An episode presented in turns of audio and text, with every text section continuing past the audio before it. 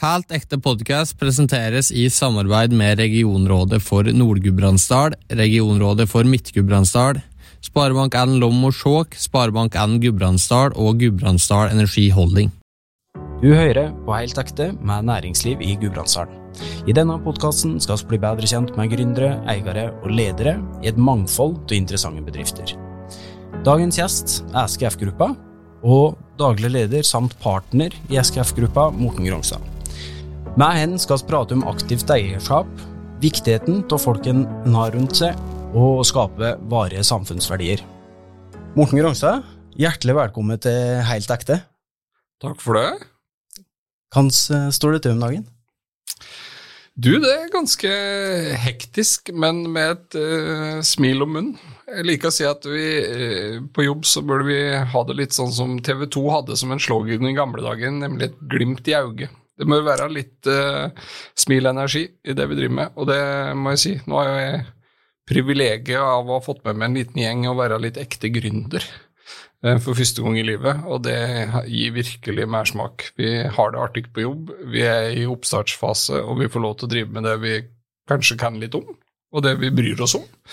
Og det er jo et fantastisk utgangspunkt for en artig arbeidsdag. Ja, så bra. Dere sitter jo i en strategiprosess, er slutten av den. Kan du fortelle litt om hvordan den har vært? Jeg tror det eh, Hvis en tar et lite bakteppe, så er jo da eh, selskapet vi snakker om, det er da SGF, eh, som står for eh, Stokke Grongstad Fausa. Det kan vi komme litt tilbake med. Det er egentlig et selskap som har satt seg to mål i livet. Det er å kunne drive litt med eiendomsutvikling og å utvikle entreprenørbedrifter. Og Det er egentlig det som har prega strategidiskusjonene, naturlig nok òg. Og så har vi dette her, eh, fantastiske utgangspunktet, et ganske ungt selskap. Det har egentlig støpt seg over de siste tolv månedene. Og nylig så fikk vi om bord to lokale, vi vet ikke om vi kan kalle dem talent lenger, da, men de er født på 80-tallet. eh, Svein Erik Besserud og Amund Lien. Og, det har jo gjort at vi nå er fem stykker som står bak det. Eh, Jeg og Lisbeth og Per Bjørnar og disse to karene der. Og da er det jo kanskje ekstra artig og givende å gå inn i nettopp en strategiprosess og få lov til å forme eh, framtidsplanene. Um, og da skal vi faktisk eh, i et styremøte nå neste uke presentere det for våre samlede eiere for første gang. Og jeg gleder meg faktisk til å presentere den eh, forslaget til strategiplan. Ja. Den er ambisiøs, og den er framtidsretta. Og det er rett og slett eh, en artig plattform for å drive businessen videre. Ja, så kult. Det, føler dere at hele prosessen er energigivende, eller er det godt nå om med som begynner å nærme seg målet? Jeg, vi har faktisk vært litt opptatt av det, at en, en god strategiplan øh, for oss, sånn som jeg tenker, den har to formål. Den skaper et godt sluttprodukt som gir si noe om veivalg, prioriteter, hva vi har fokus på. Men så er prosessen i seg sjøl veldig viktig, fordi den gir øh, mulighet til felles diskusjoner og felles avklaringer, og ikke minst det å bli trygg på eget fundament. Da. Så jeg tror vi har kosa oss like mye underveis i prosessen som jeg forhåpentligvis tror vi kommer til å kose oss med sluttproduktet. Ja. At vi føler at det her har eh, svest oss i hop enda mer som lag. Vi føler nå at vi, vi vet godt hva vi vil og hvorfor vi vil det. Og så har vi som sagt en, eh, lagt en ambisiøs strategiplan, så den skal bli artig å se om vi kan virkeliggjøre den. Dere er jo stort sett nye bekjentskap alle sammen i gruppa. Hva hadde vært noe å lære å kjenne med de nå? Ja, det vil jeg si. Vi er jo eh, Det er klart En av partnerne er jo min kone òg, så hun kjenner jeg nok relativt godt. Og så er jo Per Bjørnar, som var med fra starten av, han er jo kjent i 20 år pluss. Så det er klart at det er ganske lange relasjoner. Eh, Amund kjente jeg jo litt fra AF-tida, men har blitt enda bedre kjent med nå. Og Svein Erik er et relativt nytt bekjentskap, men jeg, jeg visste jo godt hvem han var òg, som leder i ØM Fjell Evensen Evensen før han kom til oss. Men ja, jeg må si at eh, det er en fin gjeng, og så er det Jeg har tatt med meg noe som eh, en tidligere kollega av meg i AF snakka mye om. Han heter Morten Midtskog. Han snakka om at eh, det er kjekt å jobbe med folk som er likende. Og disse karene her, de er likende, og det er artig. Vi er rett og slett et sterkt fellesskap, og jeg tror vi trives i selskap med hverandre. Og det gir oss noen ekstra muligheter. Mm. Har dere tenkt sammensetning når denne gjengen har blitt satt i hop? Ja, altså vi eh, Hvis en tar eh, utgangspunktet, så var jo vi tre først, da. Det, og det var jo egentlig en del av historien når jeg slutta i AF høsten 2020. Så starta jeg og eh, Lisbeth og Per Bjørnar noe som vi enkelt kalte GF-gruppen. Det var for at det ikke skulle bli så vanskelig for meg å gått fra AF til GF. Det klarte jeg å forholde meg til. Eh, og GF-gruppen skulle drive kun i det små, og, og, egentlig drive litt smått med eiendom og annet. Um, og så er det noe med rastløsheten og ambisjonene og given som gjorde at det tok ikke så lang tid før uh, Rune Stokke og Stokke-familien, som jeg kjenner godt fra før, jeg har sittet i styret der over litt tid, hadde veldig lyst til å, å, bli med på laget. Og de tenkte at dette her kunne kanskje bli et uh, selskap som kunne utrette enda mer, med en sterk også eier som de er med på laget. Uh, og da ble plutselig GF-gruppen til SGF, Stokke Grongstadfausa. Og det er klart at da, da satte vi litt sånn ytterligere uh, fart og giv med det. Vi fikk en sterkere kapitalbase. Og da begynte vi å, å se at med et såpass stort virkemiddelapparat som vi da hadde, så kunne vi òg trenge flere ansatte for å kunne utrette enda mer. Så da begynte vi jo ikke å søke aktivt etter, men vi var så heldige at vi fikk litt innkommende henvendelser. Blant annet så kom vi i prat med begge disse to karene her, da, og det, de har utfordra meg sjøl, dem òg, på hvorfor valgte du oss med på laget, og det var egentlig ganske enkelt. Det er jo for det første folk som er da likandes, som vi snakker om. Det er folk som vi trives godt i lag med. Folk som har ambisjon og som har lyst til å utrette noe. Og det som kanskje er en av kraften vi ønsker å få til med SGF, da, det er at vi ønsker å virke med et lokalt utgangspunkt. Vi er postadresse Fåberg, Lillehammer kommune, som hovedkontorsbasen vår, og det er utgangspunktet for vår virksomhet. Men så ønsker vi å samtidig kunne strekke oss etter nasjonale ambisjoner på en del områder. Og, og den gjengen her, alle disse fem som vi har lagd, vi deler den ambisjonen om å bruke drivet og kraften som ligger i lokal forankring, men samtidig utrette noe med markedsledende og eller nasjonale ambisjoner. Ja, og skal komme litt tilbake både prosessen med å få inn disse gutta her, eh, og òg litt om eh, strategi framover. Men eh, jeg har lyst til å hoppe litt tilbake og høre litt mer om din bakgrunn. Du er jo egentlig en trønder? Ja. Født på Høylandet, eller født på Namsos sykehus, men holleng i utgangspunktet. Um, og Høylandet er ikke, det er ikke en veldig kjent plass. Kanskje Pål Tyldum, som vant femmila i Sapporo i 72, er den mest kjente lokale størrelsen derifra. Eh, men der bodde jeg fram til 85. Eh, da flyttet jeg til en enda mindre plass som heter Røyrvik, som er en innlandskommune på svenskegrensa. Og bodde der til 87, før jeg da ble Gudbrandsdøl første gangen. Og flyttet da til Fåvang. Eh, og fra 87 til i dag så har jeg jo hatt uh, mange tiår i Gudbrandsdalen, men jeg er jo fortsatt uh, kan vel kalle meg bare hertdøl. Du blir jo ikke døl når du ikke er innfødt. Uh, men har bodd og virka i Gudbrandsdalen i ganske mange år, men har også hatt lengre perioder da der jeg både bodde i Bærum, men òg ikke minst jobba i Oslo-området. Mm. Som jo har gjort store deler av yrkeslivet mitt. Men det er trønderblod eh, i starten. der. Mm. Eh, og så har du jo bakgrunn fra flere større konsern. Du starta vel eh, ut i McKinsey? Ja. Det er historia til det. Nå for så vidt eh, lite sidesprang, men jeg studerte jo på BI. Og da satt vi faktisk i et sånt jobbintervjutrening som i regi av BI, og da var det en headhunter der. Og så satt jeg der på fremste rad, og så spurte han meg hvor jeg hadde lyst til å jobbe hen. Eller først så tror jeg han spurte meg hva som var ting jeg mente var gode særtrekk for meg sjøl, og så tok jeg fram uh, ydmykhet, sa jeg. Jeg tror jeg kan være ganske ydmyk, men uh, jeg vet hva jeg kan og ikke kan, og jeg kan på en måte um, bruke det til å utvikle meg enda mer. Og så spurte han hva jeg hadde lyst til å jobbe hen. Uh, nei, jeg visste ikke alt, men jeg hadde hørt om McKinsey og BCG, sier det kunne jeg tenkt meg. Og så svarte han da rett ut at da kan jeg fortelle deg med en gang at der passer du ikke inn. Ydmykhet er ikke en egenskap som, som passer i verken McKinsey eller BCG. Og da bestemte jeg meg rett og slett for at jeg skulle begynne der. Så, eh, så da la jeg meg i selene eh, både karaktermessig og annet for å sørge for at jeg hadde muligheten til det, og da fikk jeg starta i McKinsey. Som var en fantastisk lærerik tid, og jeg har den dag i dag mange relasjoner forretningsmessig fra den tida i Mm. McKinsey. Mm. Så har du vært innom både Orkla og Microsoft og Fornebu Utvikling på veien. Og så kom du inn i AF-gruppa, som du var i fram til da høsten 20, som du var inne på, da du bestemte deg for å gå av som konsernsjef. Konsernsjef. Var det en lang prosess, eller hadde du gjort opp ei klar mening om når det var nok?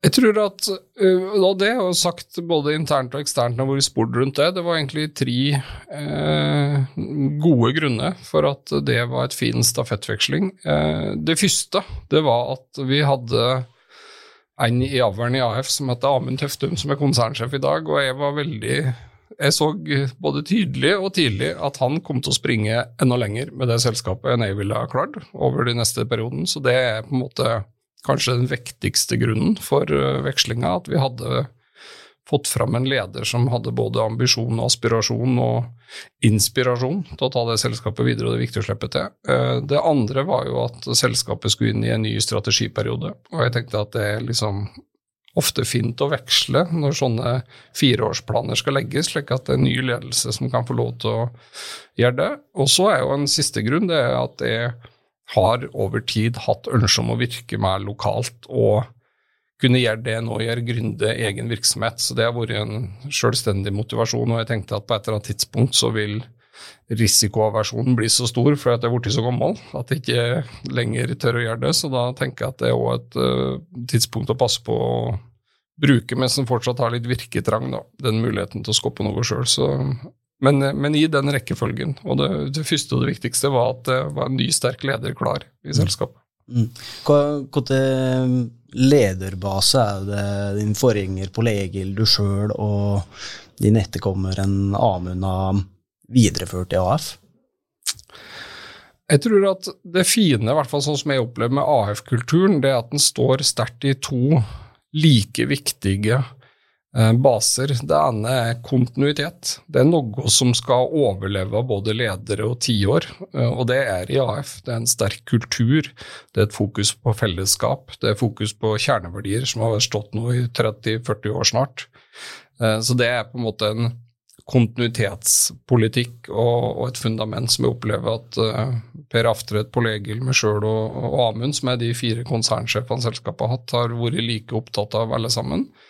Og så står selskapet i en god kultur for fornying og nytenkning, og det tror jeg alle vi har bidratt med vår nye dimensjon i det, og det har Amund gjort òg på flere områder. Så det tenker jeg at det har gjort at det er en fin balanse mellom å fornye, men også føre videre grunntradisjoner som står seg like godt i 2023 som de gjorde i 1993. Mm, mm. Så er du inne på det at du da ønska å virke mer lokalt. Var det du og Lisbeth som starta tankeprosessen på hva dere skulle? Ja, det var nok eh, jeg og Lisbeth og Per Bjørnar i fellesskap. Mm. Jeg tror eh, Per Bjørnar er jo en så nær relasjon at sjøl min mor kaller han bror min, og hun vet veldig godt at han ikke er min kjødelige bror. Så, så, det er jo på en måte en relasjon som har vært over flere tiår. Og vi Hvor kommer dere de navn fra? Vi begynte på innrykksvikua på BI. Ja. Da ble, møtte en Per Bjørnar gangen, så det er nå da tilbake til 1996-7, er det vel 7, ja. Så det er nå 25 år pluss. Så du kan si at vi, vi hadde nok veldig den felles tanken at når jeg på et tidspunkt skulle gi meg i AF, så ville han vurdere å gi seg òg, og så skulle vi starte noe i lag. Og, og som sagt, det var jo tanken at det skulle være GF-gruppen som hadde nok mindre ambisiøse strategier enn SGF og, og, mindre nedslagsfelt, men vi tenkte at det, det, er en fin liten plattform for oss å, å stulle litt med eiendomsutviklinga. Ja. Så gikk det jo ikke så råte lang tid, som du er inne på, før Stokke kom på banen. Eh, du hadde en relasjon til dem fra før. Hva tror du de så i det dere var helt i begynnelsen på? Jeg tror de så eh, et eh, lite miljø som hadde litt nettverk, som hadde litt kompetanse, som hadde litt ambisjon. Og så er det med å gi honnør til både Rune Stokke med familie og hele Stokke-systemet, at de er, de er flinke på å være en god, raus, langsiktig eier og partner i den type utvikling vi er. Eh, det har vært et fantastisk privilegium for oss å kunne både utforme nå strategier, ta om bord ansatte med Kall det den viten uh, at vi har en partner med oss som tenker langsiktig, som har lyst til å være med å bygge butikken i lag med oss. Så vi har en situasjon i dag der vi ansatte er sånn rett over 50% av selskapet, og Stokke Industrier og Stokke familien er resten. Og det, det er et kjempesterkt partnerskap, og de tenker som oss, de tenker langsiktig, de tenker raust, de tenker på fellesskap, de tenker på å utvikle ikke bare eh, finansielle verdier, men menneskelige verdier, tenke bærekraftig. Eh, så det for oss har vært en eh, super match. Mm. det fagkompetanse kommer de med? De kommer jo med mye industriell erfaring. Eh, for mange så er jo det mest kjente med Stokke-familien tripp-trapp-stolen fortsatt. Det, det, er jo en stund siden de solgte den virksomheten, men Eh, de, de, er vant til å tenke industribygging, de er vant til å tenke det å bygge team og kompetansemiljø. De er vant til å tenke på gode, profesjonelle strukturer, hvordan de som eiere skal virke godt for butikken. Så for oss har de vært en super sparingspartner på alt fra selskapstenkning til strategier til mer operasjonelle problemstillinger. Og så har de etter hvert også fått mye erfaring på eiendoms... Eh, bransjen sjøl. De sitter jo i flere eiendomsinvesteringer. Så nei, de tilbyr oss mye på mange arenaer som både eiere og sparringspartnere. Hva tenkte du da, når de henvendte seg? Nei, det er, vel, eh, det er vel symptomatisk. For det første så er det sånn at SKFH har jo sagt at vi ønsker å gjøre business i partnerskap med andre. Eh, og det er gjerne partnere vi kjenner godt. Og, og, det var det samme for GF-gruppen. GF-gruppen ønsket å gjøre partner eller business sammen med andre partnere, og det er ikke noen tvil om at vi kjente Stokke godt, så sånn sett så var det en fin match. Og så er det litt sånn at egentlig så var det snakk om at de skulle saminvestere med oss i et prosjekt. Ja. Uh, og så tok egentlig Stokke initiativ til å si at jo, men vi kunne ha tenkt forbi det ene prosjektet. Vi kunne ha tenkt liksom uh, rammer for et selskap i lag, og da tok det bokstavelig talt 24 timer, så hadde vi hele avtalen klar. 24 timer, ja. ja. ja. Og det sier jo litt om at vi hadde mye felles til bunns før vi begynte de 24 timene, ellers hadde det aldri gått. Og så landa vi veldig fort en felles ambisjon og ønske, og så var det for oss et veldig fortrulig og godt partnerskap vi følte vi gikk inn i. Så det gjorde det òg lett for oss å si at ja, men da da putter vi på en eh, bokstav til ekstra i navnet og setter S foran, og så gir det oss sjøl mange flere muligheter. Og det har vi jo virkelig fått følt på over de siste tolv månedene, at det, det, partnerskapet der, det skapte oss en mye sterkere plattform. Eh, I 21, høsten 21 så mm, gikk du inn, eh, du og Per Bjørnar og Lisbeth gikk inn samarbeid med Gjerdalen Entreprenør, som forma Solstein-gruppa. Vil du si litt om den prosessen? Ja, det var jo en, en eh, prosess som den gangen starta uh, gjennom et uh, Kall det vårt private selskap, og ikke en del av det som senere ble SGF. Uh, I dag så er alt satt sammen, så i dag så er alle våre entreprenørvirksomheter og eiendomsvirksomheter inne under felles plattform, nemlig SGF. Um, det hadde egentlig litt som en opptakt sånn som uh, uh, ofte ting har, at en tilfeldig relasjon. Det var sånn at vi kjøpte opp et småbruk, skulle bygge oss en ridebane, trengte en entreprenør, og folk pekte på Gjerdalen Entreprenør som en virkelig flink entreprenør. Da kom jeg jo i kontakt med en Kjell Iver som eide den butikken. Mm. Uh, de gjorde en solid jobb for oss og var en god entreprenør når vi bygde ridebane, og så da fire-fem år etterpå, når jeg da slutta i AF, så tok vi opp igjen kontakten. Um, og han sto overfor noen veivalg om hvordan han skulle utvikle sin butikk videre. Og vi var i støpeskjea for å finne ut hva vi nå skulle gjøre ved sida av eh, når vi nå ikke lenger hadde fast jobb, i hvert fall. Eh, og da ble det starten på, på en prat som starta senhøsten 2020, og som da innen sommeren 2020 hadde leda til etablering av Solstein. Um, og det tanken vår da, og den er, den er, det fortsatt, at vi trodde og tror fortsatt at det å skoppe et, en innlandsbasert entreprenørgruppering som kan være et hjem for typisk entreprenører fra 10-15-20 millioner og kanskje opp til 100 pluss, det trodde vi var rom for. Kjell Iver hadde jo sjøl den erfaringen at det å drive helt enslig, mm. være sitt eh, eget styre, eie butikken 100 sjøl, det kan være krevende, og kravene blir stadig flere. Og det vises jo i etterkant med dialogen vi fikk med gjengen på Vinstra om Fron bygg, med etableringen av Konkret i hop med Kjetil Ringlund, at uh, vi traff nok litt en nerve. At det finnes en del aktører som syns det er fint å kunne forme eh, entreprenørbedrifter på, under en paraply, da, et mm. fellesskap som det Solstein-gruppen har. Mm. Så det har vært et uh, utrolig artig og givende Eh, plattform, og, nå her i 22 så flytta vi de aksjene over i SGF, slik at det hører nå SGF-gruppen til.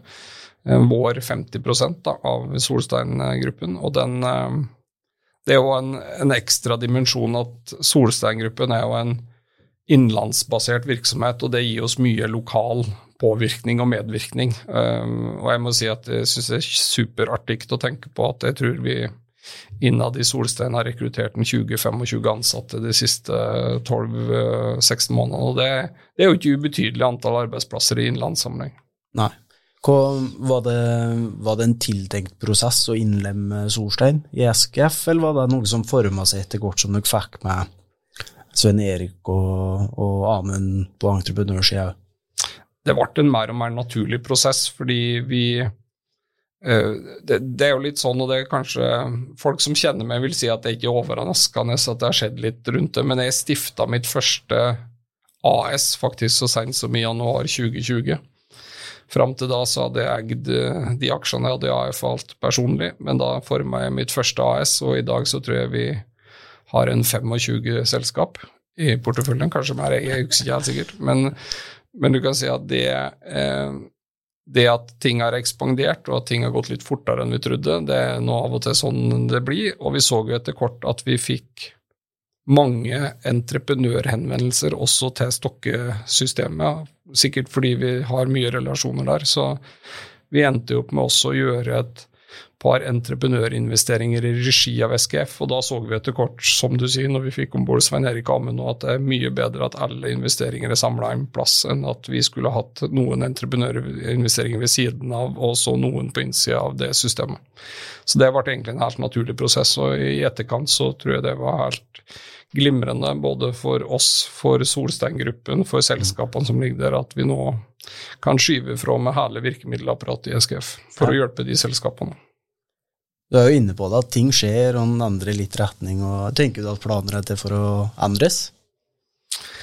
Ja, jeg, jeg tror at um, sånn som vi var inne på, vi har nettopp lagt fram førsteutkastet på strategien vår, og det, jeg tenker at alle selskaper har godt til å ha en grunnplan, å ha en plan A som er litt sånn farten og retningen. Men hvis en tenker på sitt eget liv, om det er karriere eller om det er andre ting, så har tilfeldigheter spilt inn med en vesentlig del. Og dette er å være i stand til å ta mulighetene når de kommer, ha liksom dynamikk nok, beslutningskraft nok, rett og slett uh, hurtighet nok i systemet til å gripe mulighetene. Det tror jeg er en vesentlig del også av en god strategi. Så ja, jeg tror at verden er omskiftelig. Muligheter dukker opp når du kanskje minst tenkte på dem, eller, eller ikke nødvendigvis hadde planlagt for dem. Men er det de rette mulighetene, eh, så bør de gripes. Om det er flinke folk som kommer ens vei, eller om det er investeringsmuligheter. Men det at du da har en grunnplan i strategien din som du kan referere det mot, det tror jeg gjør at du blir bedre i stand til å utnytte de ekstraordinære mulighetene som kommer. Mm. Posisjonere seg, rett og slett, for de mulighetene? Ja, og så tenker jeg at eh, vi, vi, har jo tenkt så enkelt, men samtidig såpass ambisiøst at hvis man ønsker å jobbe med entreprenør og eiendom i Innlandet, så skal man tenke på SKF først. Det er vårt mål. Eh, så de flinkeste folkene som ønsker å jobbe innenfor de type bransjetenkning, de skal over tid søke oss først. Så du kan si at det er på en måte en sånn grunnstrategi, å bare sørge for at du er i flyten for de flinkeste folkene, og de flinkeste er ikke bare de skarpeste huggene, men det er de mest arbeidsomme nevene og de som har lyst til å utrette litt ekstra. Mm. Så det er på en måte en sånn grunnstrategi å, å, se litt hva det kommer til å bringe av muligheter, og hvem som da kan banke på døra til en.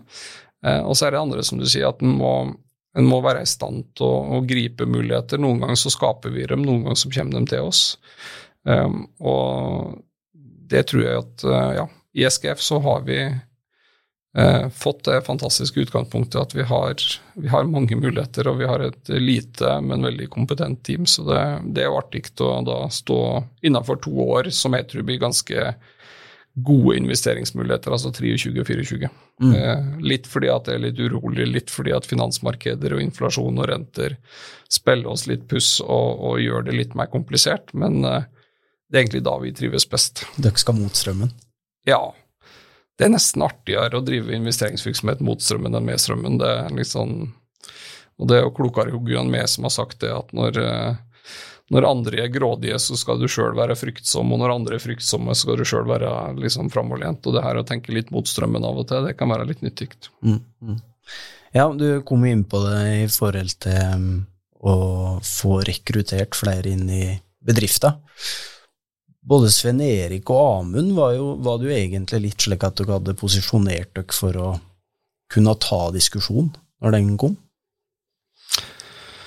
Ja, jeg må jo si at først og fremst så var det kanskje en av de største anerkjennelsene vi kunne få som system, at når så kompetente og kapable personer har lyst til å gjøre noe annet, at de kan tenke på oss som kanskje sin foretrukne arbeidsgiver, eh, det syns jeg er helt eh, supert. Uh, og da tenker jeg at det handler bare for oss om å gripe muligheter med begge hender. Uh, og så kan jo vi tilby et profesjonelt partnerskap. De har jo blitt medeiere, som er viktig for oss. Dette her med å skoppe fellesskapets verdier, det gjør at vi ønsker at uh, så sentrale medarbeidere også er med og eier virksomheten, og det gjør jo begge de to karene. Så da tenker jeg at for oss så var det bare en, en haug med muligheter, og at vi da er i stand til å skape flere muligheter etter å ha fått om bord sånne personer. Mm. Det, det, høres jo masse ut som dere er en gjeng som har klart, og som har en tanke om at dere skal drive for noe som er litt større enn dere sjøl. Um, skal komme litt tilbake til samfunnsengasjement, men når hverdagen griper dere, og det buter litt, eh, det er andre ting som skjer, er, ting er litt vanskelig, ganske klarer dere å helle på den derre en person, om man kan si det? Du kan si at akkurat nå, i og med at vi er i oppstart, så er det lett. Så det kommer ja. sikkert til å komme år fram i tid hvor det kan bli mer krevende enn det er nå. Men jeg tror at har du de rette folka med de rette holdningene, så, så vender du naturlig tilbake til de rette, kall det passerpunktene. Da. Du vet at du er sentrert rundt noe som ikke er verken bare for kortsiktig profitt eller for å liksom gjøre et kortsiktig klipp eller å virke i fem år for så å gjøre noe helt annet, men, men, han har et sånt genuint grundig ønske om å gjøre noe som over lang, lang tid viser seg solid og, og godt. og det, det håper og tror at vi har såpass godt i ryggmargen, alle vi fem som er med i starten nå, og ikke minst Stokke-familien, en representant for det samme partnerne vi har lokalt i de ulike businessene, opplever jeg tenker på samme måten. og Da, da håper jeg og tror at den rettesnora er lett å finne tilbake til, sjøl også når det blir mer hektisk eller det kommer til å bli krevende tider. Vi er jo enn så lenge vært velsigna med at det har vært mer medgang enn motgang. Skjønt det har vært selskaper hos også som ikke har gått eh, fullt så godt som en skulle ønsket og håpet, men, men det er på en måte jeg tenker at vi ser litt langsiktig, og vi ser etter potensial og vi ser etter ambisjon. og da bruker vi det som rettesnor også for det å virke lokalt og gi noe tilbake. Mm, mm. Du, Morten, det er jo ikke Eller det er mange som sier at du ikke skal ta med deg jobben hjem igjen. Kanskje det er for deg og Lisbeth? Nei, altså det er klart at, at det er nok en ekstra uh, utfordring kan være i noen sammenheng når du gjør uh, business i hop med også din livsledsager. da. Uh, jeg ser mer fordeler enn ulemper i det. Skjønt vi har sikkert et par gutter som av og til syns at mor og far har mange og både jobbdiskusjoner og annet som må, må gjøres også på EFTAs tid. Men det, det, er jo det er noe med at du kjenner jo dine nærmeste best. Mm. vi vet godt hvor vi har hverandre hen. Uh, jeg tror de andre òg kan uh, skrive under på at vi tør å ha meninger mot både med hverandre og mot hverandre, hvis det er det hun gjør òg. Og, og, Lisbeth er jo en utrolig flink dame som har gjort egen forretningsmessig karriere som leder innenfor økonomi og, og finansfunksjon over mange år. slik at hun er et viktig bidrag både til partnerskapet og, og et godt korrektiv for meg, ikke minst. Mm. Dere er jo fem stykker i partnerskapet nå, da. Er det slik at dere deler oppgaven og ansvaret mellom dere ja, i stor grad? Eller? Ja, vi fungerer som det vi liker å si et profesjonelt eh, partnerskap. Vi har selvstendige ansvarsområder, vi er ansvarlige for ulike investeringer. Eh, alle viktige beslutninger fattes i fellesskap. Så er en av partnerne uenig, uansett om det var den som kom først eller sist inn, så gjør vi ikke investeringen. Nei. Så det, og det kommer vi til å holde fast ved, i hvert fall så lenge jeg får lov til å være med å påvirke hvordan det er strukturert. Og det er fordi at eh, det er fem virkelig flinke, sterke partner vi er. Og, og, hver og en har så mye innsikt og erfaring at det er en god grunn til, hvis en av de skulle vært i tvil, slik at da er det god grunn for oss alle å stoppe opp under og, og finne ut uh, om hva som eventuelt er grunnlaget for det. Så, så, vi opererer som et godt kollektiv. Og så er det selvsagt lettere å være et sterkt fellesskap når det er relativt få. Vi har korte beslutningsveier, vi sitter i et felles kontorlandskap. Uh, men det er det, det, det, er liksom en sjarm med alt, og det var en fantastisk privilegium å få lede AF-gruppen med om det var 5600 eller 5800 ansatte på slutten, men, ja. men det er òg fantastisk artig å lede en veldig liten virksomhet som har eh, fem nære partnere på toppen, og så har vi kanskje 130-40 ansatte i sum eh, for øvrig. Og, og det er så jeg, så jeg, må si at begge de dimensjonene har vært kjempeartige å oppleve. Og nå står jeg jo i den siste filmen da, med det her eh, gründertilværelsen og partnerskap, og det syns jeg er utrolig givende. Det, det, er litt interessant når, hvis en trekker det over i disse partnerskapene deres. da. Hvorfor mener dere det er såpass viktig at dere skal være partnere med selskapen, og ikke kun eiere? Altså, vi, det er to dimensjoner i det her med partnerskaps- og fellesskapstenkningen. Eh, det, ene er jo det at vi har sagt at vi ønsker ikke å eie virksomheter 100% og det er litt fordi at den type virksomheter vi eier, og da snakker vi jo primært om entreprenørvirksomheter. Et eiendomsprosjekt har jo, det er jo sjelden liksom ansatte og, og på samme måten. Det er jo mer en tomt eller et bygg under uh, utvikling. men Grunnen til at vi sier partnerskapene er viktige, for så vidt i begge dimensjoner, men særdeleshet dette med medeierskap, det er jo at det er folk som er innsatsfaktoren i entreprenør. Hamre og dosere og gravemaskiner, det kan alle få kjøpt, men, men folk er det viktige. Og det er for å sørge for at du både får tak i de flinkeste, kan helle dem der og sørge for at de er med i lag og utvikler businessen over tid, så er medeierskap kanskje det viktigste limet, mm. føler vi. Fordi da tenker folk på det mer enn bare som eh, lønnsmottakere som en arbeidsplass, men noe de har lyst til å skå på. Og det andre er rett og slett at vi tror at utvikling skjer best hvis det er flere kloke hugger som tenker i lag. Ja. Så ved at vi går inn i lag med partnere, så betyr det at SKF kan ikke bare dundre på sånn som vi vil, vi må forholde oss til hva våre partnere òg ønsker, og i det så blir vi klokere, rett og slett. Vi blir utfordra, vi kan utfordre tilbake. Eh, og da gjør det noe med muligheten for å skape noe som er enda sterkere. Så vi tror vi blir både mer nysgjerrige, mer innovative, mer framtidsretta til å forholde oss til partnere rundt oss, og da tenke på dem nettopp som partnere, og ikke noen som vi har kjøpt fra en gang i tida eller noe annet, men som faktisk står der side om side med oss for å utvikle butikken framover. Mm. Dere gikk jo inn i Fron bygg um, for um, ca. et år siden.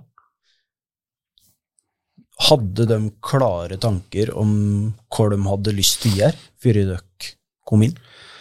Ja, det, var, det var litt sånn artig. Jeg sa jo tilbake til at når vi stifta Solsteingruppen i Håp med, med Gjerdalen, så var det jo fordi vi tenkte og trodde at en sånn gruppering kunne bli et godt hjem da, for lokale entreprenørvirksomheter som i kraft av at de vokste og ble større, hadde behov for litt systemer og støtte rundt seg.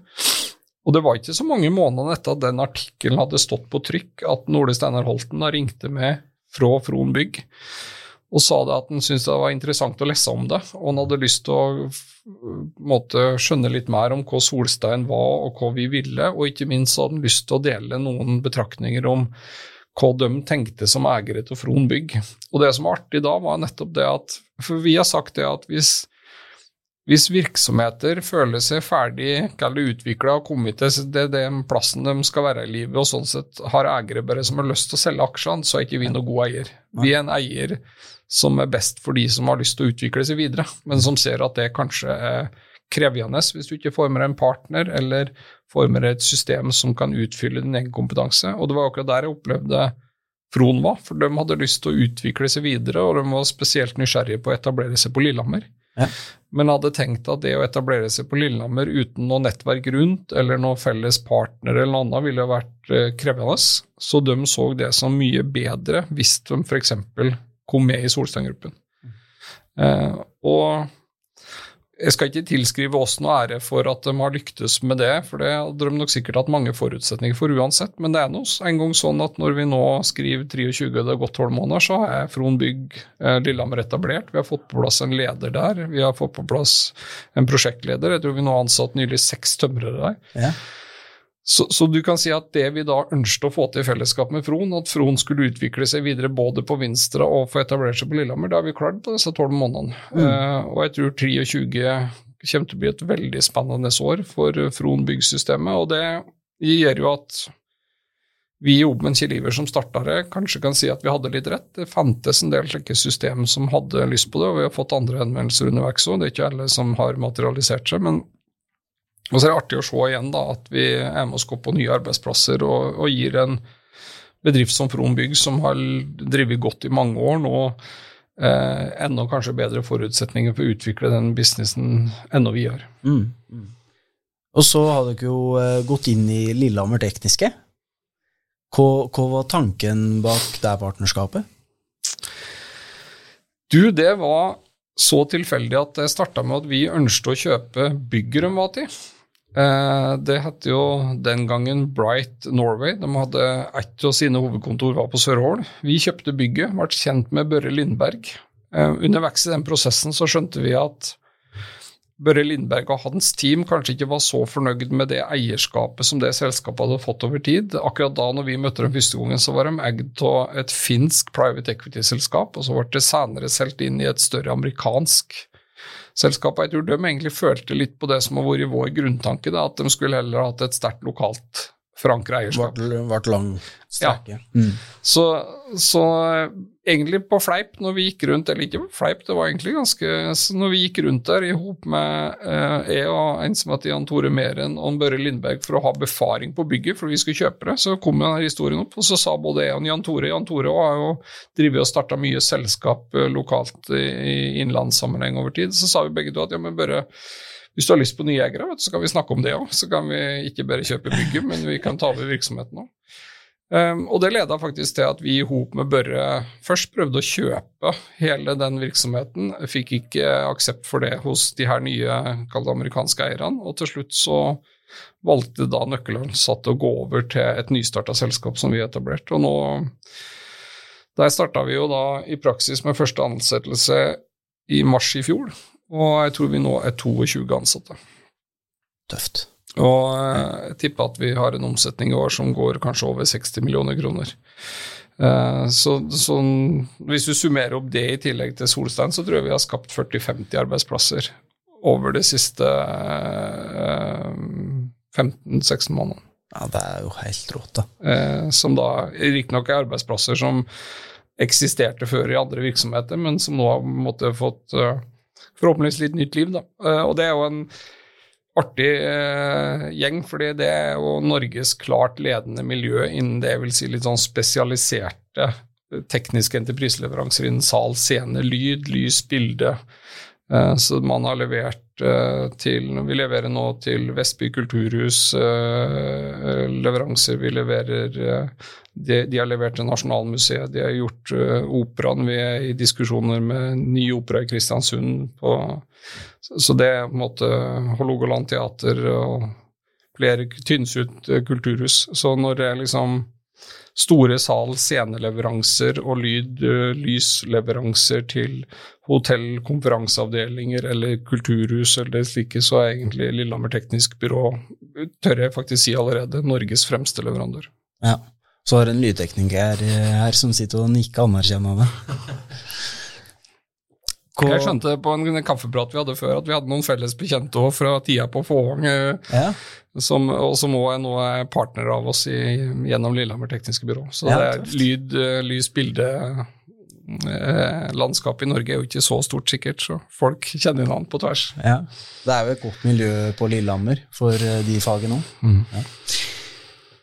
Litt lekt nysgjerrig, da, for dere har jo egentlig valgt å rette et sterkt fokus mot entreprenør og eiendomsutvikling. Og så har du da Lillehammer Tekniske. Kan si du jobber, føler du, kan si du jobber med noe du kanskje ikke kjenner så godt til? Du kan si at det, det tekniske ved lyd, lys, bilde og det å komme inn sånn som Børre Lindberg kan gjøre, og skjønne ut, intuitivt hvordan vi skal prosjektere og levere, det er jo for meg ordentlig sånn ukjent marka. Jeg syns det er fascinerende å lære å forstå som best jeg kan, men du kan si at det er jo i praksis en entreprenørbutikk. Ja. Vi leverer prosjekt, vi leverer totalentrepriser. Vi gjør det bare med veldig sånn spissa leveranseprofil. Um, Sånn at eh, det gjør det jo på en måte litt kjent. Eh, det er, en, det er en, i, praksis en teknisk entreprenør på noen eh, sett og vis, og som driver med tradisjonell prosjektering og identifisering av løsninger og leveransemodeller som vi kjenner, men innenfor et fagfelt som da må jeg si det var en litt sånn uh, overraskelse for meg at, eh, at Lillehammer faktisk sitter kanskje på det fremste kompetansemiljøet på akkurat den type leveranser i Norge. Nå har dere jo investert drøyt 100 millioner. Dere har uttalt at dere skal antageligvis investere opp mot en halv milliard til. Og så sier du da at eh, de beste dagene ligger framfor dere. Men enn så lenge så skal dere så og ikke høste. Kan du utdype det? Al- Altså Det her med framtidstru, jeg tror jeg bare har vært født sånn. Og jeg tror det preger alle oss fem som er der, at vi tenker sånn. At det er mye mer muligheter enn utfordringer ved morgendagen. Eh, Så det tenker jeg at det er en det er kanskje bare rett og slett en fin måte å våkne på om morgenen og tenke at, eh, at her er det muligheter, og her har vi mye ugjort.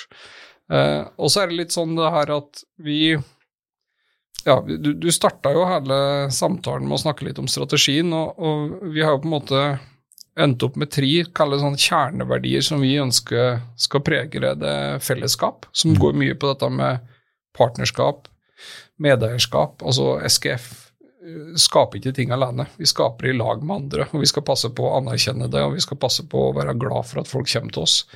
Og så er langsiktighet den andre, og det er litt det her at morgendagen er lys, og det skal vi utnytte. Og, og det å begynne da å tenke at du primært eh, sår, du skal ikke høste ennå, det er litt for å bygge opp under den langsiktigheten. Vi kommer sikkert til å Vi har gjort kortsiktige kjøp og salg innimellom fordi at det kom noen som plutselig bydde oss mer enn det vi tenkte det var mulig å utvikle sjøl. Så det er ikke det at vi skal e eie alt i evig tid, men, men å tenke at du utvikler ting for framtida. Og det er jo en, en tradisjon som er gjenkjennbar i i Gudbrandsdalen med sine nære relasjoner til landbruk, og som vi brukte mye AF, at det her at du skal overlevere garn i bedre stand enn du fikk den. Du skal tenke på at det kommer folk etter det. Det er litt sånn den her langsiktigheten. Og den siste vi hadde, og ambisjon, og det er kanskje syntesen av det hele, at vi tenker at det, vi har mye ugjort. Både ting, penger vi skal investere, men ikke, ting, ikke minst ting vi skal klare å skape i lag da, med partnerne våre, når vi tenker langsiktig. Men Du nevnte jo i stad at um, hvis en av dere er uenige i en mulighet, så, så, så ryker den. Er det da viktig for dere å ha det der enorme mulighetsperspektivet? At dere bredder dere enda mer, slik at dere etterpå kan kappe om det? Tror folk da? Du kan si at vi har jo Nå kan det hende at podkasten hjelper enda mer, da, men vi har vært privilegerte nok til at vi har fått mange henvendelser. Jeg tror vi hadde en opptelling nå at vi har sett på nesten 30 case hittil i år. Altså på to måneder så har vi fått 30 forespørsler med stort og smått på investeringer. Og det er klart at, at hvis du får rikt nok tilfang, så er det mye lettere lettere å finne de her tingene som vi alle er enige om at er en god idé òg.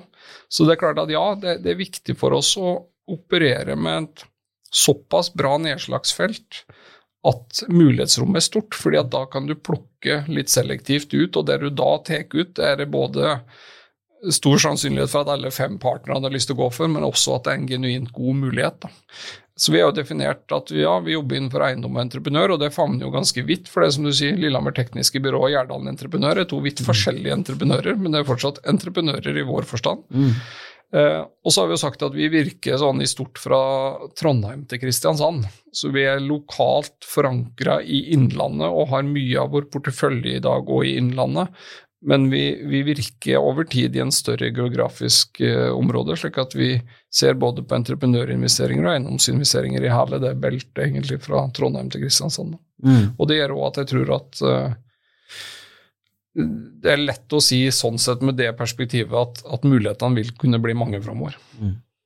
Er dere eh, aktivt ute og søker, eller kommer det såpass mye henvendelser at det ikke er noe poeng vi ønsker å være aktivt ute og søke, men akkurat nå så har vi nesten ikke hatt båndbredde nok Nei. annet enn til å håndtere de innkommende. Men, men, det er en klar del av strategien at vi ønsker å identifisere muligheter sjøl. Både entreprenører som og, og, vi gjorde jo eiendomsinvesteringer i hop med med Jan Tore Meren og Terje Aabakken lokalt på Lillehammer, som var at vi banka på døra til eiere av bygg og tomter som vi tenkte var veldig interessante å få hånd om. Mm. Altså Der er vi jo aktivt oppsøkende virksomhet sjøl, og det er en viktig del av det vi ønsker i framtida òg. Men det, det, er klart at vi, vi registrerer jo at vi får veldig mye innkommende henvendelser, så det er artig. Det er et privilegium å få, få Og det er alt fra små industrivirksomheter til større tomteinvesteringer. Så det er et stort spenn i de her 30 eh, mulighetene vi har sett på IT i år. Ser du at dere eh, har dere noe sårbarhet, slik det ser ut nå? Ja, altså vi, det, er klart at um, det vil jo alltid være en, en, Med alt det her drivet og initiativet, så kan det jo være både det faktum at vi kan bli for utålmodige, at vi til slutt liksom ønsker å finne oss en neste stor investeringsmulighet og kanskje kommer for tidlig ut fra oppkanten. Eh, men det kan også være det faktum at vi eh, kan bli for nøye i vår utvelgelse og kanskje ikke tør å ta nok risiko, for det er noe med at de her når du er i tidlig fase og gjør dine første investeringer som et partnerskap, så skal jo alle føle seg vel med det, det, det. Så det kan slå litt begge veier. At man til slutt kan bli for utålmodig, men òg at man kan bli for kjapp på avtrekkeren i noen sammenhenger. Eh, men, men, jeg tror at vi har egentlig såpass mange eh, muligheter, og det, og det er egentlig vært litt sånn mantra som jeg hadde med meg fra AF-tida, og at, at stort sett så har du mulighet til å påvirke din egen hverdag og markedsmulighetene såpass godt gjennom å selektere og vurdere at egentlig så finnes det ingen gode unnskyldninger for å ikke klare å få til det vi har lyst til. Eh, og teamet er utrolig artig å jobbe lag med, og mulighetene er mange, så jeg tenker at hvis historien om fem år er at ikke vi klarte å og, og, og, realisere ambisjonen helt som vi trodde, eller strategien, så tror jeg egentlig ikke vi skal skylde på markedet i så fall. Da tror jeg mer at uh, det får peke tennene på oss sjøl, uh, og det tror jeg vi kommer til å klare, rett og slett. Mm. Mm. Du sier jo at du har eh, fem lederpilarer, Morten. Og gjennomgangen av dem kan jo fort være en podkast i seg sjøl, men, men, hvis du fort skal fortelle om disse pilarene? Og jeg tror, jeg, jeg tror, ikke jeg skal gå gjennom liksom alle fem nå. det, det blir Kanskje nesten mer forelesningsaktig enn det blir spennende. Men, men, jeg kan ta, reflektere rundt noen av dem. da. Det, det er jo um, Grunnsatsen i som jeg har tenkt ledelse, det er jo at det er et like stort privilegium som det er et ansvar. Så, så, både i mitt eget lederskap og i andres lederskap så har jeg prøvd å, å predikere det at bruk det privilegiet det er, men også det ansvaret det er, og bruk det på en best mulig måte. Og én ting da, det er at du må evne å se at lederskap handler om å tilrettelegge for andre. Det, er ikke en egoistisk og sjølsentrert øvelse. Det er en øvelse om å skoppe noe i lag med andre. Så det å begynne å tenke på team Jeg har brukt uh, denne metaforen om ringer i vannet. Altså det er egentlig lederskap. Det handler om å skape positive eh, ting rundt det. Eh, og der tenker jeg at det eh, mange som kommer til lederskap med med akkurat de rette ambisjonene, men det er òg en del som ikke har tenkt godt nok over det, og som ender opp med en ganske egoistisk og sjølsentrert utøvelse av det, og da mener jeg at da får du ikke gjort det beste ut av det. Um, så er det nok en annen pilar som jeg har brukt mye tid på, det er jo å det her med god konsekvenstenkning. Um, jeg har brukt uh, Egil Drillo i noen foredrag noen ganger som snakka om at når han ble spurt om uh, hvorfor Norge liksom la opp med stilen så mye, så sa han at det ville vært toppen av dumskap hvis jeg skulle fortsette å spille som de, alle de andre landslagstrenerne, for da hadde jeg jo vunnet bare en tredel eller 20% eller hvor vi vant den gangen. Så jeg måtte gjøre noe nytt. Altså Skal du oppnå noe nytt, så må du endre innsatsfaktorene dine.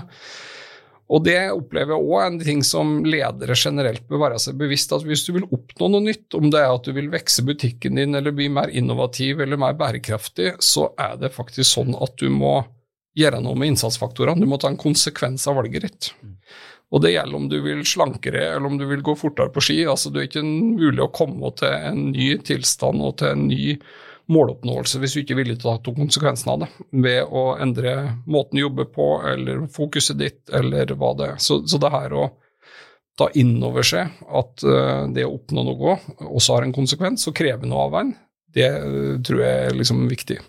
Um, og så er jeg, jo, er jeg veldig opptatt av fellesskap og en forståelse av at en leder trekker best sammen med sine ansatte, og er ikke den som dikterer eller, eller, bare skriver ut fasiter, men som faktisk skaper det her motivasjonen, inspirasjonen og samhørigheten. Og den, eh, så, så de her Ja, det, det, er på en måte noen kjerneverdier som jeg tror at for ledere generelt, om det er små eller store virksomheter, eh, vil de vil ha godt av å gjøre det. Og så har jeg òg utfordra mange ledere på at på samme måte som idrettsutøvere legger like mye vekt på å trene og hvile som å konkurrere, så bør ledere gjøre det samme. De bør reflektere over hvordan de har lyst til å utvikle seg personlig, hvordan de tilrettelegger for hverdagen sin for å være en best mulig leder, og ikke bare kalle det være i konkurranse i anførselstegn med å sitte i flest mulig møter og ta flest mulig beslutninger. Noen av de beste lederne tar relativt få beslutninger og er flink til å delegere det til andre og gjøre det, som står mye nærmere problemstillingen. Var du flink til det? Både òg. Og det tenker jeg at min kanskje beste egenskap som leder har vært at jeg har prøvd å være i stadig utvikling, og har sett mine feil like godt som mine suksesser, og prøvd å lære av det. Ja. Men jeg var absolutt ingen uh, feilfri leder på noe sett og vis. Det tror jeg du ville funnet mange sannhetsvitner på. Uh, men jeg håper og tror at jeg var en samlende leder, en tidvis inspirerende leder, og ikke minst en leder som ga folk stor frihet. Eh, men med et eh, påfølgende ansvar. Men det har jeg alltid trodd på. Jeg har trodd på det å delegere, jeg har trodd på det å la folk få lov til å ta ut sitt maksimale potensial, og har egentlig sett på det som min fremste ledergjerning. Men en refleksjon er vel kanskje at en god leder er den som anerkjenner at en kan ikke fylle alle mulige roller og være like god på alt, da? Definitivt, og en leder må tenke et team og en helhet like mye som enhver annen medarbeider. Og, og jeg jeg har jo spøkt med å si det at det er en fordel for min egen ledelsesfilosofi at jeg ikke er så flink sjøl, for det betyr at det er mye lettere for meg å finne flinke folk rundt meg enn på snittet. Men, men, det tror jeg veldig på. Det å omgi seg med folk som er flinkere enn deg sjøl, det er viktig å tørre som leder, og det er viktig å gjøre som leder. Mm. For det er da først du utvikler deg sjøl. Eh, så ja, det, det, er på en måte å, å se et fellesskap og, og, og tenke en herlighet, og så ha fokus på hva du sjøl står for som leder, for det er viktig. For av og til så må du vise vei, av og til må du ta personlig risiko med å ta en beslutning som ikke er opplagt om rett eller feil, men, men du må vise vei. Du må vise organisasjonen tru. Du må vise, og det er viktig, ref det jeg sa om at de beste dagene ligger framfor oss. Um, ingen anstrenger seg for å gå på den høyeste toppen hvis ikke lederen viser vei på å si at det er mulig. Og det er faktisk uh, verdt det. Mm. Og det kommer til å være slitsom på turen opp, men det kommer til å være fantastisk når vi når dit. Er det noen som, har, som du har sett opp til i tida di som leder?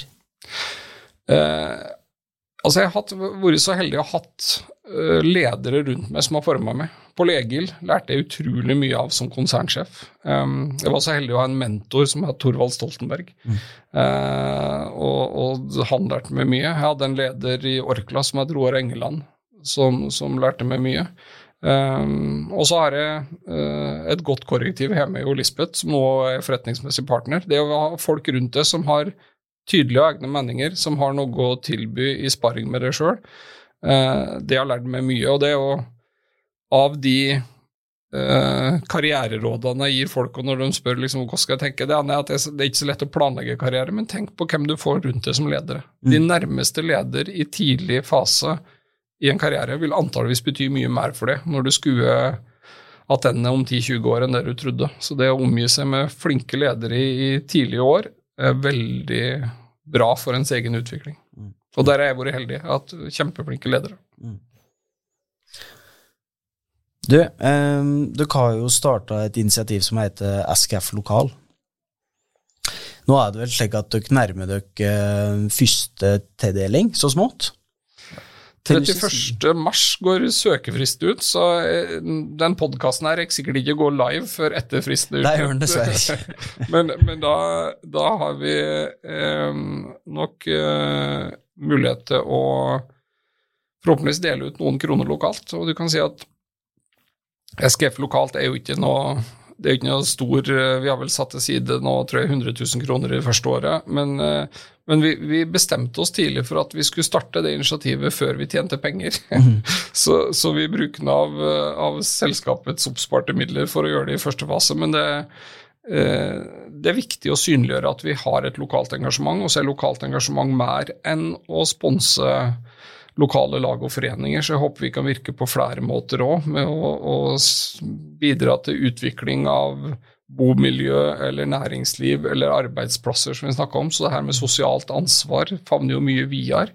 Men SKF-lokalet er en måte for oss å bare markere på, både for oss sjøl og, og, forhåpentligvis kunne bidra med noe positivt for dem rundt oss. At, eh, at virksomheter som får gleden av, da, forhåpentligvis, og det håper vi at vi gjør, å kunne tjene seg noen kroner gjennom eh, eh, virksomhet, Plikte å yte litt av den nå. Og jeg har sjøl hatt gleden av å være med i lokal eh, fotball når jeg var liten her på, i Gudbrandsdalen, og, og, det er mange andre idretter òg. Jeg har uh, datter som er ivrig på dans, og det er liksom Så det, det syns vi er fint å kunne markere. Og så er det jo mange andre med banker og annet som har mye større fond å dele av enn vi har. Men eh, ambisjonen er at fondet skal bli større, i hvert fall. Og vi skal kunne dele ut litt mer Eh, for kort år. Så det blir spennende. Så vi tipper at vi gjør en ja, kanskje fem til sju tildelinger nå, da. Vi har prøvd å, å, å, konsentrere litt, sånn at det blir noen kroner som hjelper litt for dem som får det.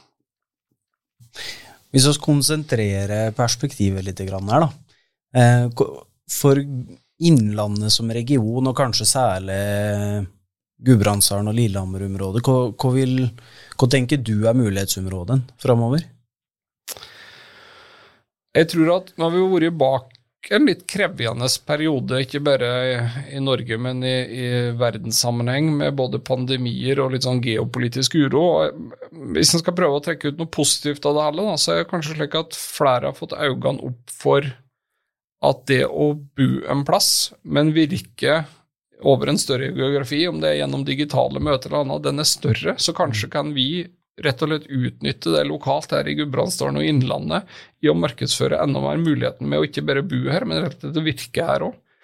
Eh, det tenker jeg er en mulighet. Og så syns jeg derfor det er artig å, å, kunne være med på en podkastserie sånn som dere har gjort, at vi må få fram alt det som skjer i Innlandet.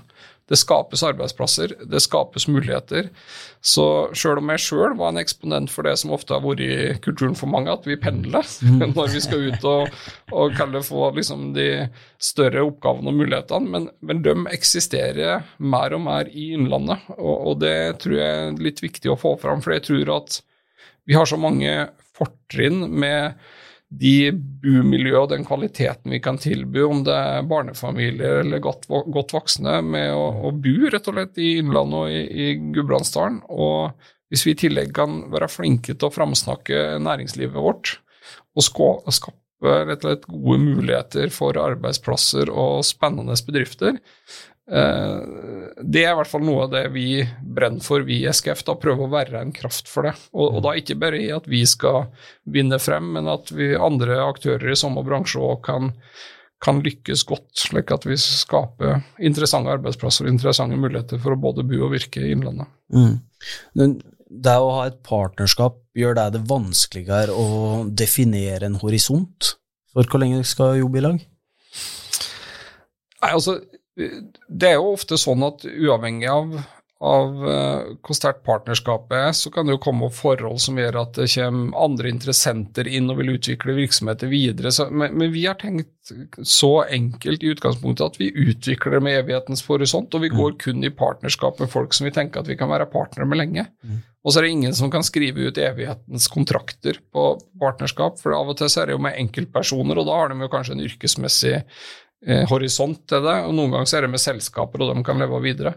Men vi tenker at grunnleggende så inngår vi partnerskap med folk som vi trives så godt i lag med, at vi ser at vi kan jobbe lenge i lag med dem, og vi kan utvikle virksomheter godt i lag med dem.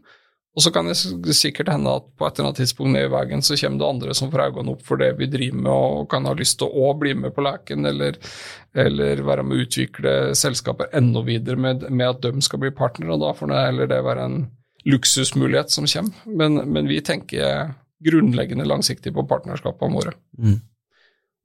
Kom, du ser, dere har jo sagt, sagt, at dere ønsker å være i motvekt mot de Oslo- og Stockholm-baserte kontorene. Det er sammen med den, ehm, det er evighetsperspektivet, da. Blir det vanskeligere å helle på disse prinsippene etter hvert som dere blir større? Jeg tror at vi som alle virksomheter som vokser, skal sikkert uh, få den fantastiske opplevelsen av å møte oss sjøl i døra på noe om, fem år eller ti år eller 15 år.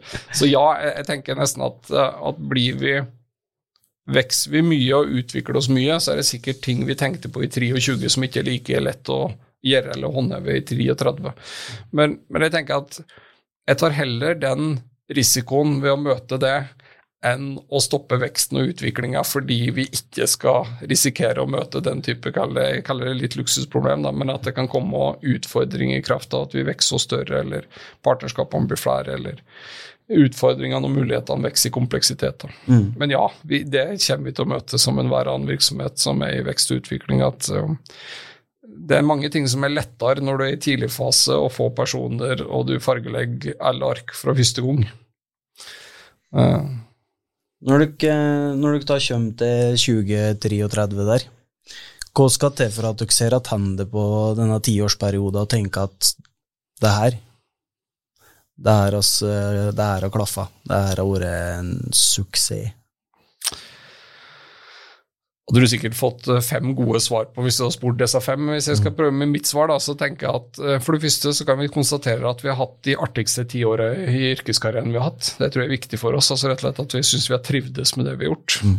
At vi har hatt en, en virkning som ikke bare har vært finansielt god, og vi kan peke på avkastning, men at vi har skapt noe. Om det er arbeidsplasser, nye virksomheter, kanskje vært med og vist litt vei rundt eh, sosialt ansvar, bærekraft, eh, klima, miljø, de tingene som blir viktigere for neste generasjon å, å ta enda tydeligere tak i. Um, at vi har endt opp med å kanskje bli den her mest attraktive gjengen å jobbe med hvis du ønsker å jobbe entreprenør- og eiendomsretta i Innlandet.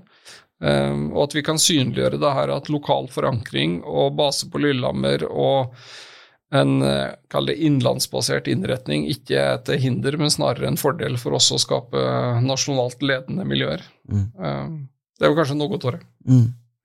Mm, da er jeg jo, er jo litt nysgjerrig, for jeg har hørt dere har sagt at dere lærer like mye av feilene dere har gjort, som suksessen dere har gjort. Er det noe dere drøfter løpende i den tida deres i SKF òg? Eller er det Ja, jeg håper i hvert fall at vi i 33 sier det at vi tok nok risiko til at vi har gjort masse feil. Mm. for det tror jeg egentlig er hele fundamentet for å klare å tenke nytt. Ja. Har vi tatt så lite risiko de neste ti åra at vi har gjort få feil, så har vi antageligvis gjort for lite. Mm. Så ja, jeg tror det kommer vi til å fortsette å gjøre, og vi kommer til å høste læring av det. Og det er på en måte eh, det er jo faktisk et sitat jeg henta fra Warren Buffett, som er en ganske vel anerkjent investor på, på, internasjonalt nivå. Han sier jo det at forretningsmessige feilvurderinger her er all verdens tålmodighet med, men liksom moralske, etiske feilvurderinger har jeg null toleranse for, og det er liksom litt vi òg. Vi ønsker at vi skal være ordentlig hel ved. Det, ikke, det kan vi ikke kompromisse med. Vi må jobbe sikkert skikkelig, forholde oss til lover og regler og alt sånt, det er det nulltoleranse på. Men å sørge for at vi og våre partnere tør å ta nok risiko til at vi òg feiler, Mm. det er egentlig akkurat det vi ønsker oss. Mm. Det kan vi ha stor uh, raushet for. Kom, hvis, du, hvis du har kunnet um, fortalt deg sjøl noe i 2020 som du veit nå i dag, hva, hva skulle det vært da, tror du? Altså for tre år sia. Mm.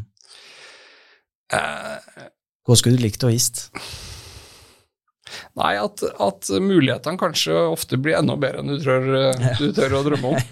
For det jeg føler meg i dag. Jeg føler meg som en privilegert partner i et system som har så mange muligheter. Mm. Og så skal vi være oss det ansvaret bevisst og yte noe til ennå. Um, hva er ditt råd for de yngre som uh, brenner inne med det samme type engasjementet som du og gjengen din har? Ikke vær så opptatt av å planlegge karrieren din, la liksom mulighetene komme litt til deg, for flinke folk får muligheter. Eh, tenk nøye gjennom hvor mye du er villig til å legge av innsats. Mm.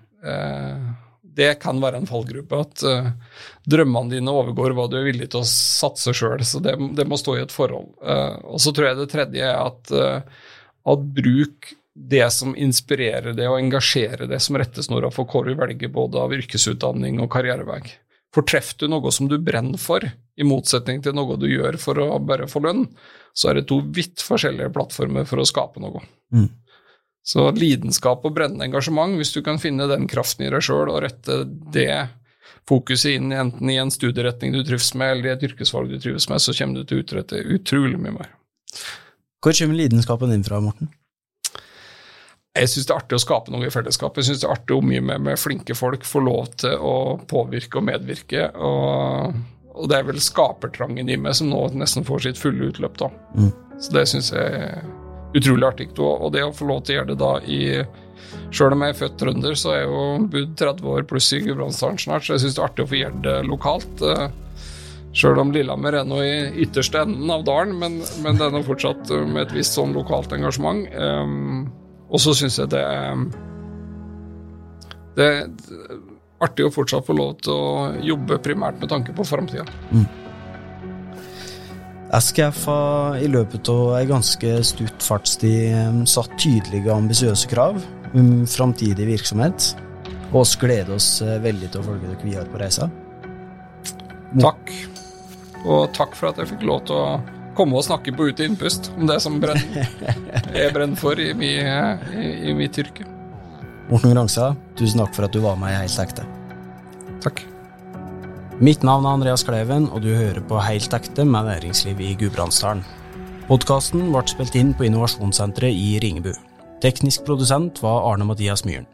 Musikken er komponert av Scarworks. Prosjektleder i Helt ekte er Sivert Rønnsætre.